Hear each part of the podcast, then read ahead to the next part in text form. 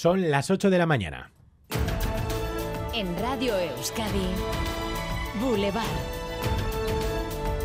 Con Xavier García Ramsten. ¿Qué tal, Egunon? Abrimos esta hora en directo entre Urrecho y Zumárraga. A esta hora se abre la Feria de Santa Lucía, la primera de las ferias del invierno. Laida Basurto, ¿cuál es la foto de la mañana, Egunon?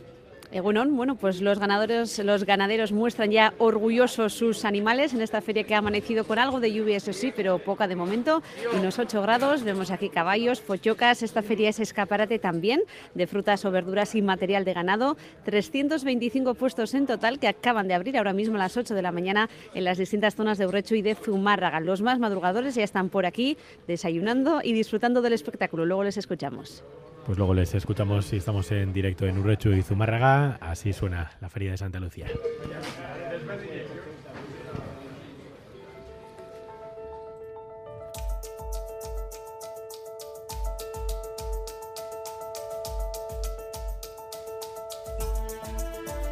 Y dentro de una hora visita hoy Boulevard Rosa Martínez, la recién nombrada secretaria de Estado de Derechos Sociales en el Ministerio de Sumar de Pablo Bustinduy. Martínez es miembro de ECUO y vuelve a la política tras haber trabajado estos últimos años en la Fundación Europea para el Clima. Así que hablaremos con ella también de la Cumbre del Clima que trata in extremis de evitar el estrepitoso fracaso. Esta madrugada ha publicado el último borrador en el que por primera vez menciona una transición para acabar con los combustibles fósiles, aunque con muchos condicionantes. María Sí, siguen sin utilizar el término eliminar respecto a los combustibles fósiles, aunque sí apuestan por una transición para abandonarlos definitivamente, eso sí, en 2050. Este nuevo borrador queda medio camino entre el anterior texto, que simplemente hablaba de reducir, en línea con los países productores de petróleo y gas, y las pretensiones de los grupos ecologistas y la Unión Europea, que apuestan por esa eliminación. El nuevo texto pide esfuerzos para una rápida y profunda reducción de las emisiones y triplicar el uso de las energías renovables. Ahora queda por ver si consigue el apoyo de los 198 países participantes. Acabar con los combustibles fósiles es el objetivo que busca también el gobierno vasco. De no conseguirlo, la consejera de Medio Ambiente, Arancha Tapia, habla claramente de fracaso es realmente decepcionante y como Euskadi queremos manifestar nuestro firme compromiso con el objetivo de descarbonización y de la desaparición del uso de combustibles fósiles. Es cierto que la transición que hagamos sea justa y sea sostenible desde el punto de vista social, pero con el fin de la desaparición de los combustibles fósiles. Tras un larguísimo pleno sobre las 11 de la noche, el Congreso de los Diputados ha aprobado el primer paso de la ley de amnistía. Sin apenas aplausos, sin pena ni gloria, estaba todo tan dicho que nada ha sonado prácticamente a nuevo. En el quien da más de las críticas, la victoria ha sido para Feijó. Puede parecer exagerado, pero para el presidente del PP la votación de ayer ha sido lo más triste vivido en el Congreso desde el 23F es la sesión más triste y más decadente de aquella tarde del 23 de febrero de 1981. Por no estar no estuvo ni el presidente del gobierno, Pedro Sánchez, que se encuentra en Estrasburgo en el último Consejo de Asuntos Generales bajo presidencia española. Allí, por cierto, fue noticia por sorpresa la posible creación de una macroregión atlántica. Por primera vez se ha presentado en la mesa en la que se sientan los ministros de Asuntos Europeos. La iniciativa del gobierno vasco se cayó de la agenda ayer, pero a última hora volvía a entrar in extremis después de que el Lendakari Urcuyu se dirigiera a Pedro Sánchez pidiendo explicaciones. El vicepresidente de la comisión, Marcos Sefcovic, mostraba su disposición. We of course recognize that uh, the Atlantic uh, uh, region is very important for the European Union. Therefore, we already came up with the Atlantic Maritime Strategy and several other documents.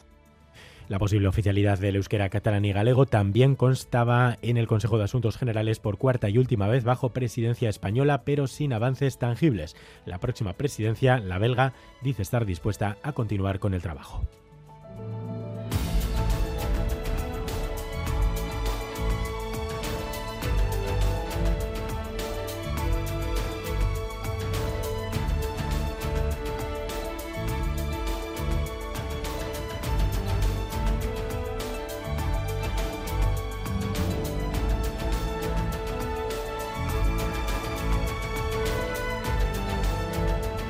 Y una noticia de última hora, eh, moción de censura en Pamplona. Leemos en Noticias de Navarra y en algún medio navarro más también que la mayoría progresista ha pactado una alternativa a la derecha y por tanto Joseba Sirón, el candidato de H. Bildu, volverá a la alcaldía. EH Bildu, PSN, Geroa Bay y Contigo Surekin estarían trabajando en una alternativa a la alcaldesa de UPN, Cristina Ibarrola. Eh, nos lo podemos, eh, lo podemos ampliar ya y confirmar con Aricha Aguirre desde Iruña. Aricha, adelante. Así es, los rumores ya son información. PSN y EH Bildu registrarán esta mañana una moción de censura contra la alcaldesa de Pamplona, Cristina Barrola, y así desbancar a UPN del gobierno municipal del ayuntamiento y pasar la derecha a la oposición. Y veremos a ver y nombrar como alcalde a Joseba Sirón de EH Bildu.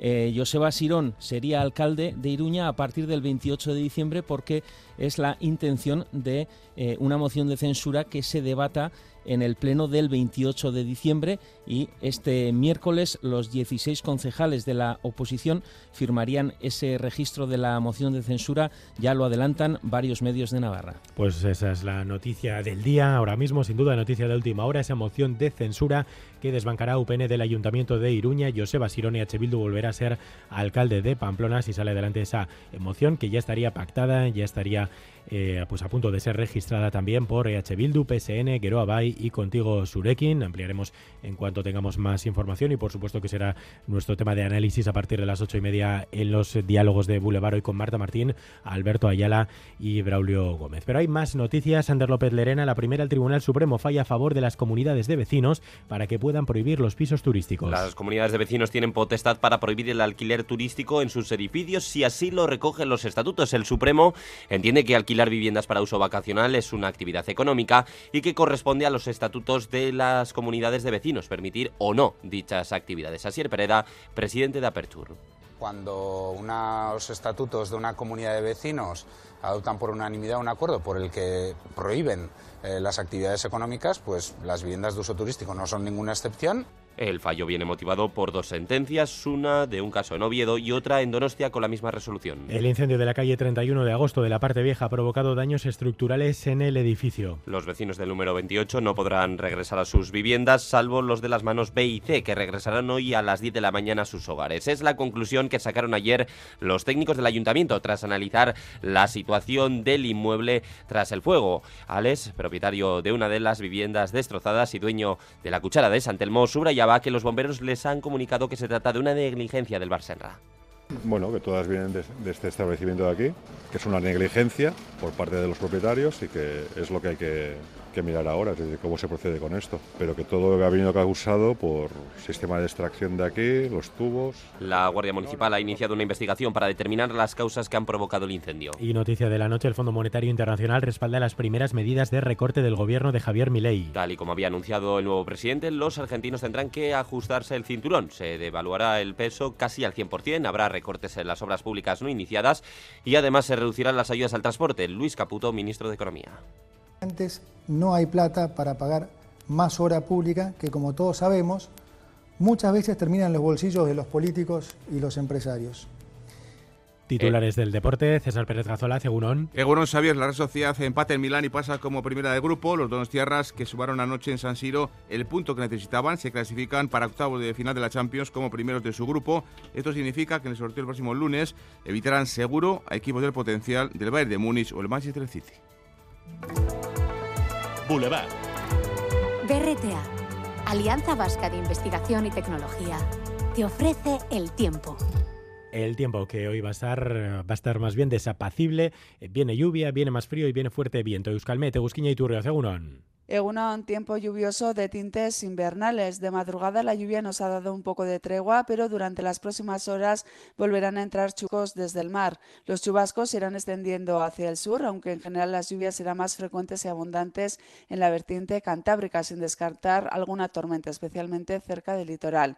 Predominará el viento de componente oeste y será intenso, especialmente cerca del litoral, con rachas muy fuertes. En cuanto a las temperaturas, las máximas quedarán por debajo de los 15 15 grados en el litoral y por debajo de los 12-13 grados en el interior. Tiempo, por tanto, desapacible. El descenso de las temperaturas será notable y el viento y la lluvia acentuarán aún más la sensación de frío. Temperaturas a esta hora, se va notando ya esa sensación de frío, van bajando, tenemos 7 grados en Vitoria, 8 en Iruña, 9 en Donostia, 12 en Bayona, 13 en Bilbao. Egunon, elgean 6 gradu eta odeiak, agur. Egunon, tik-tik, abornikanotik, termometroan 6 gradu eta zerua lainotuta dago. Primeran pasa asteazkena. Hola, buenos días. Desde Baracaldo, 11 grados y nublado. Que tengáis buen miércoles. Agur. Egunon, karrantxan amar gradu. Agur.